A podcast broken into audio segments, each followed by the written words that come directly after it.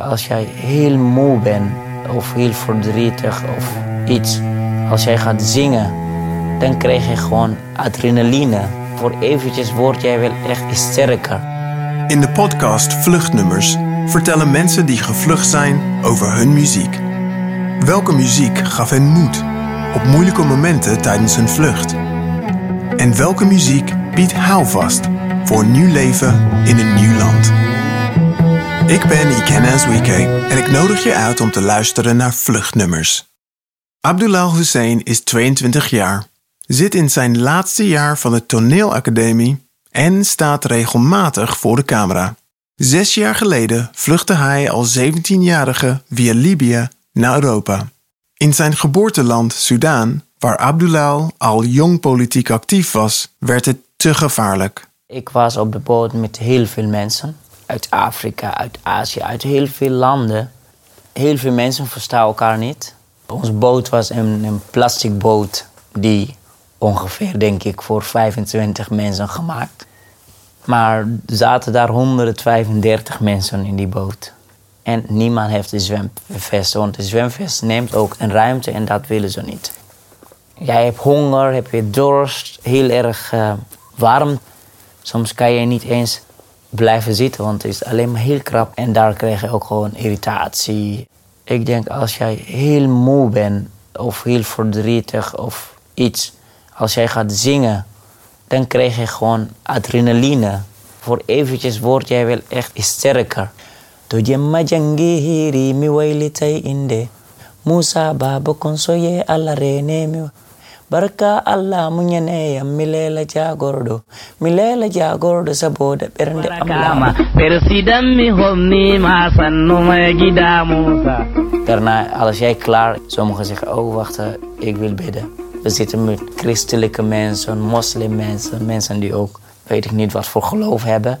En dan iedereen bidt voor ons alle veiligheid. Dus iedereen bidt voor ons allemaal.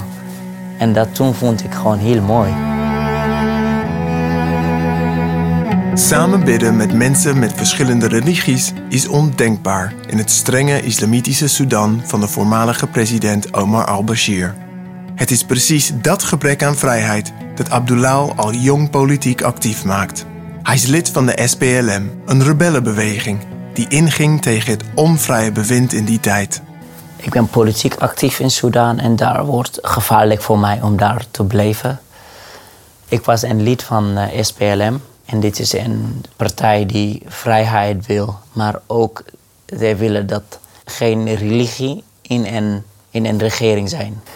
De regering denkt dat wij gewoon crimineel zijn. Bijvoorbeeld in alle televisie, in alle boeken, op de onderwijs, allemaal. Ze schrijven wat ze willen dat jij dat leren.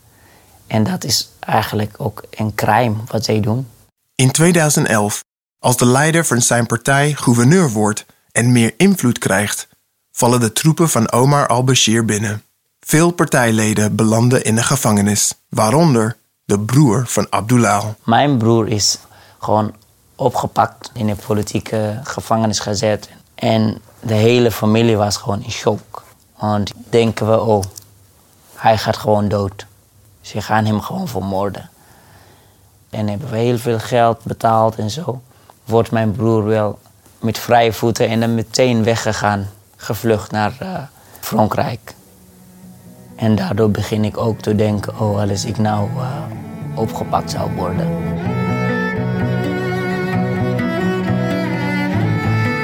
Abdullah besluit te vluchten.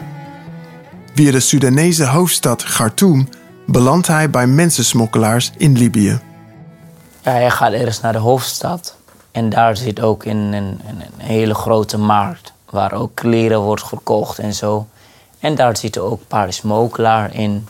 En dan vragen, oh, ik wil naar Libië gaan. Zou je mij willen helpen? Ken jij iemand? En zegt hij, ja, ja, zeker, ga maar daar zitten. En gaat hij iemand bellen en dan komt hij jou meenemen en dan vraagt... wil jij het geld betalen of wil jij later betalen? En zeg ik, nee, nee, ik wil later betalen. Ik had helemaal geen geld. Ik werd eh, opgevangen in een kamer in Libië en ik had geen papieren mee. En uh, ik heb geen telefoon. En geen enkele Libianer wil mij eh, vrijkopen, want ik heb geen papieren. Dus ik kan gewoon met, bij hem twee dagen werken en dan wegrennen. Dus daarom willen ze dat ook niet doen. Elke dag komen ze, iedereen is lang. Maar na twee dagen heb ik kans om weg te lopen. Eh, het was gewoon een beetje gat in dit eh, kamer. Maar buiten zit, lopen mensen ook gewoon met wapen die ons... Dus ze kunnen jou gewoon doodschieten. Maar ja, ik zie dat die mensen ver weg daar... Ik ben gewoon weggegaan. Ik had zelf geen schoenen. En eh, ben ik een beetje gelopen naar de moskee dichtbij. Schoenen gestolen. En weggelopen naar een ander dorp. Ja, ik weet echt nog steeds niet hoe ik dat gedaan heb. Maar ja, ik zeg, dit is gewoon mijn kans om weg te gaan. En meteen naar, eh, door naar Trabli om een boot te nemen. Vanaf Italië ben ik een eh, trein genomen die naar Brussel gaat. En iemand zei tegen mij, hier hebben ze ook treinen naar Engeland, naar Londen. Als je geld hebt, dan regel ik jou een kaartje en dan breng ik jou tot in de trein. Ik zeg, oh, dat klinkt goed. Heb ik gewoon vrienden gevraagd, maar heb ik ook een beetje geld die ik van mijn broer heb gekregen. Dus heb ik 100 euro aan hem gegeven. En heeft hij een ticket voor mij geregeld. Voor Londen, dacht ik. Dus zegt hij tegen mij, ja, zie jij deze trein? Dus jij moet gewoon over één minuut moet jij in de trein stoppen, want dan gaat hij weg. En heeft hij mij ook 10 euro gegeven, zei hij. zegt, oh, dit is 10 euro, dan kan jij iets kopen. En dan zeg ik, oh, dat is heel aardig en lief. Eh, uiteindelijk toen gingen wij stoppen in Roosendaal. En zegt, ja, jij moet uit. Ik dacht, oh, dat is wel heel snel. En ik zie gewoon mensen in- in het Engels aan het praten. Ik dacht dat ik in Engeland was. Maar die man had mij gewoon een verkeerde kaartje gekocht van 12 euro en de rest van de geld in zijn zak gestopt.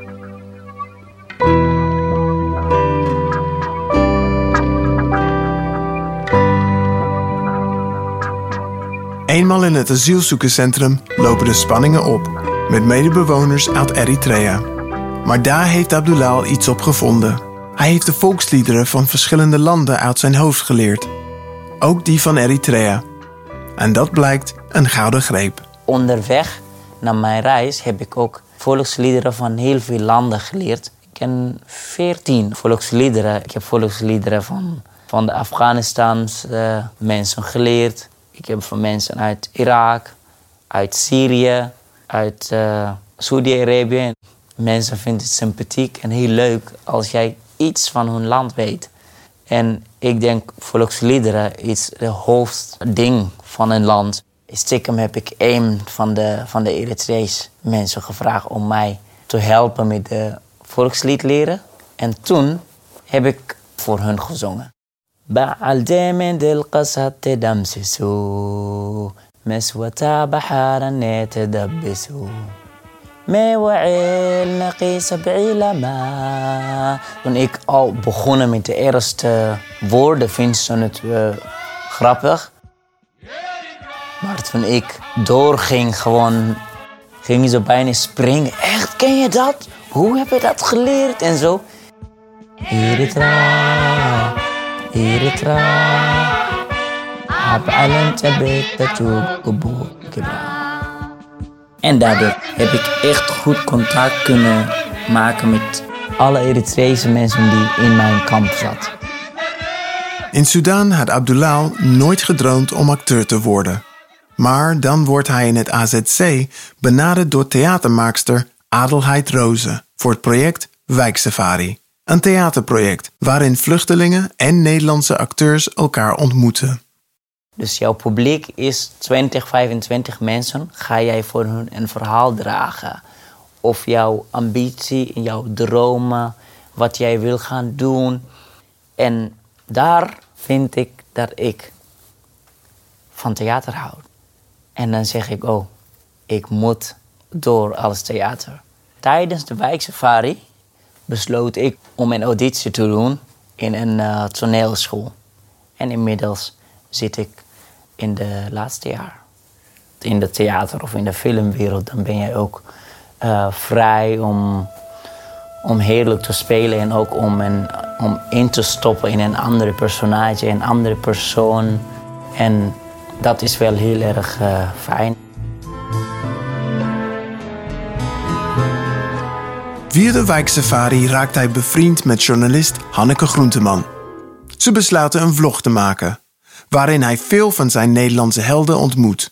En ook samen met ze zingt.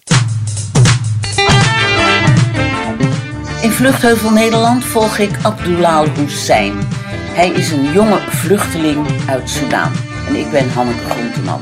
En Ab wil Nederland gewoon heel goed leren kennen. Onder andere bekend Nederland. Abdullah ontmoet bekende Nederlandse artiesten. Zoals Marco Borsato, Claudia de Brij. En hij treedt zelfs een keer op met Stef Bos. Wij hebben samen opgetreden in een theater. We hebben echt minder dan vijf minuten geoefend. We zijn aangekomen bij een onderdeel dat vanmiddag is ontstaan. Het was sowieso de bedoeling om iets te doen met een lied dat ik met Fernando heb geschreven. Ik woon niet waar ik ben geboren. Applaus graag voor Fernando Lamarinas.